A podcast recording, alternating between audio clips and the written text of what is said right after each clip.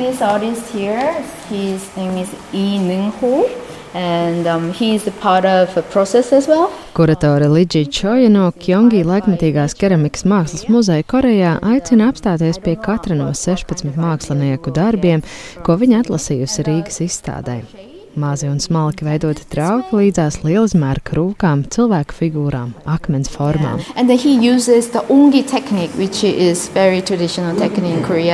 Līdžī Čoja viena pēc otras sauc dažādās tradicionālās keramikas tehnikas, kādās strādā izstādē pārstāvētie mākslinieki. Dažiem ir mazliet virs 30, citiem jau vairāk nekā 90 gadu.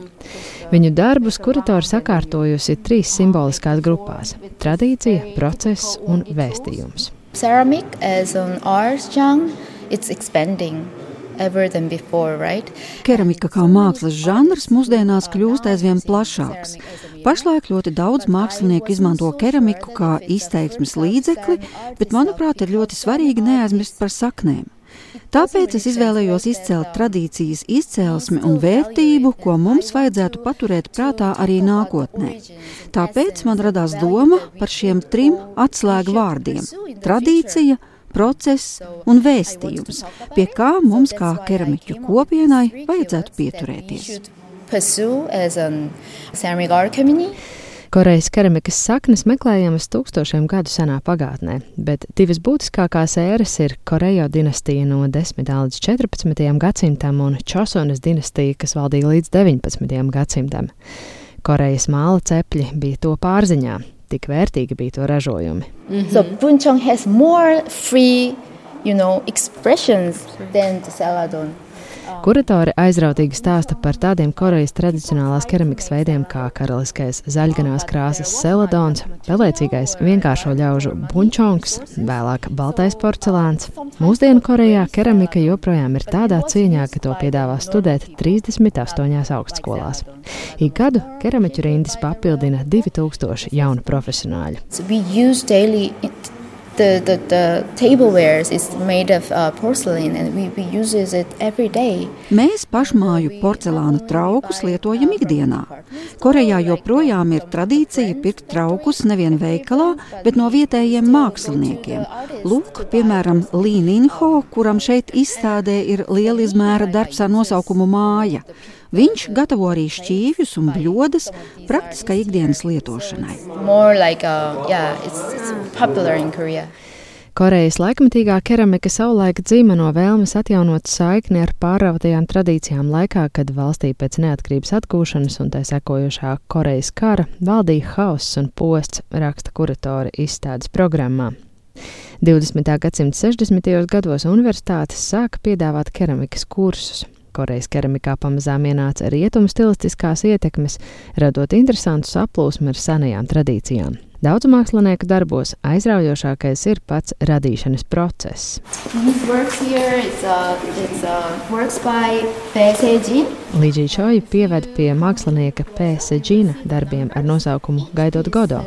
Tie ir lieli podi un krūkas, kas veidoti no sīkām, pedantiski numurētām māla plāksnītēm, gluži kā statiniski saliktiem domino kauliņiem. Katrai plāksnītei ir savs numurs.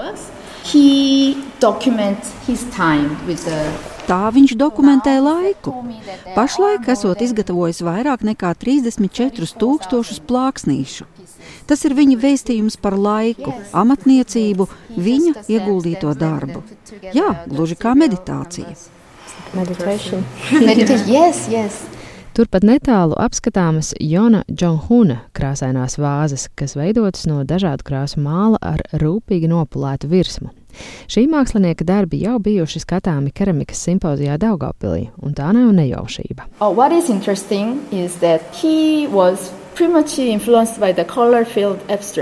Viņš ir iedvesmojies no Marka Rotko krāsu laukumu abstrakcijas.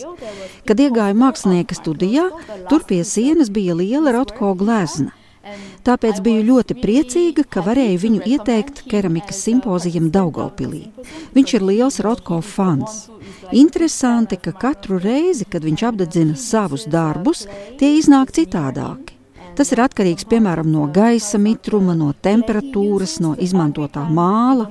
Rezultāts katru reizi ir pārsteigums. Ne tā kā vairumam citu šeit redzamo mākslinieku darbu, kas ir precīzi izkalkulēti. Korejas laikmatīgās keramikas izstāde Rīgā skatāma 4. Latvijas keramikas bienāles ietvaros, ko rīko Daugavpils Marka Rotko mākslas centrs sadarbībā ar Latvijas laikmatīgās keramikas centru. Pirmo soli Korejas virzienā spēr tieši Latvijas keramiķi. Kāpēc? Stāsta viens no Bienāles kuratoriem Aivars Baranovskis. Atbraucot uz Korejas mākslas muzeju, var ieraudzīt to, ka nu, tas izskatās vairāk pēc keramikas muzeja nekā pēc tā, ko mēs esam ieraduši saprast ar mākslas muzejiem. Tāpēc um, tā cieņa un tā tradīcijās balstītā mūsdienu keramika un, un tā izpratne par keramikas mākslu Korejā ir visvairāk uh, attīstīta, saglabāta. Un, uh, tāpēc nu, visa laikam, keramikas mākslinieku pasaule skatās uz Koreju kā tādu pirmrindnieku. Tāpēc latvieši nosūtīja Korejas kolēģiem savus katalogus, sāka sarakstīties, un rezultātā pirms gada Korejā tika atklāta Baltijas laikmatīgās keramikas izstāde Drošie horizonti. Rīgā skatāmā izstāde Pašterapija ir Korejas mākslinieku atbildes solis. Baranovskis cer, ka sadarbība turpināsies. Mums ir ārkārtīgi svarīgi caur šiem sadarbības projektiem, protams, kā arī popularizēt Latvijas keramiķus un nu, Latvijas māksliniekus. Nu, līdz ar to tik tiešām mums ir padomā arī sadarbība apmainīties ar simpoziju dalībniekiem, tā ka kāds no Latvijas varētu doties uz Koreju, arī smelties pieredzi. Un vispār parādīt to, ka ar šo te mākslu var dzīvot, ar to, ka tas nav tikai kaut kāds brīvdienu hobijs, kaut kāds lauku amatniecība, kas visnotaļ ir ļoti apsveicama nodarbe, bet keramikā ir šī mākslas iespēja pasaules līmenī. Un galvenais ir darīt.